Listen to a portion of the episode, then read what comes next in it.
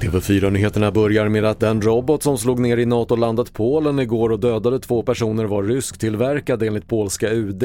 Men den avfyrades troligen inte från Ryssland, det sa USAs president Joe Biden i natt. There is preliminary information that contests that.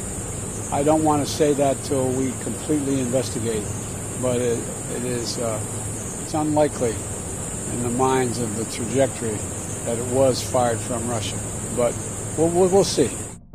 USAs tidigare president Donald Trump meddelade i natt att han kommer att ställa upp i nästa presidentval 2024.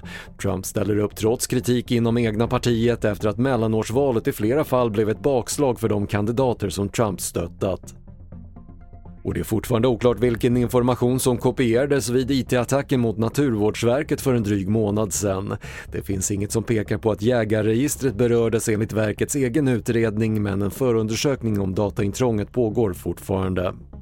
Fler nyheter hittar du på TV4.se. Jag heter Patrik Lindström.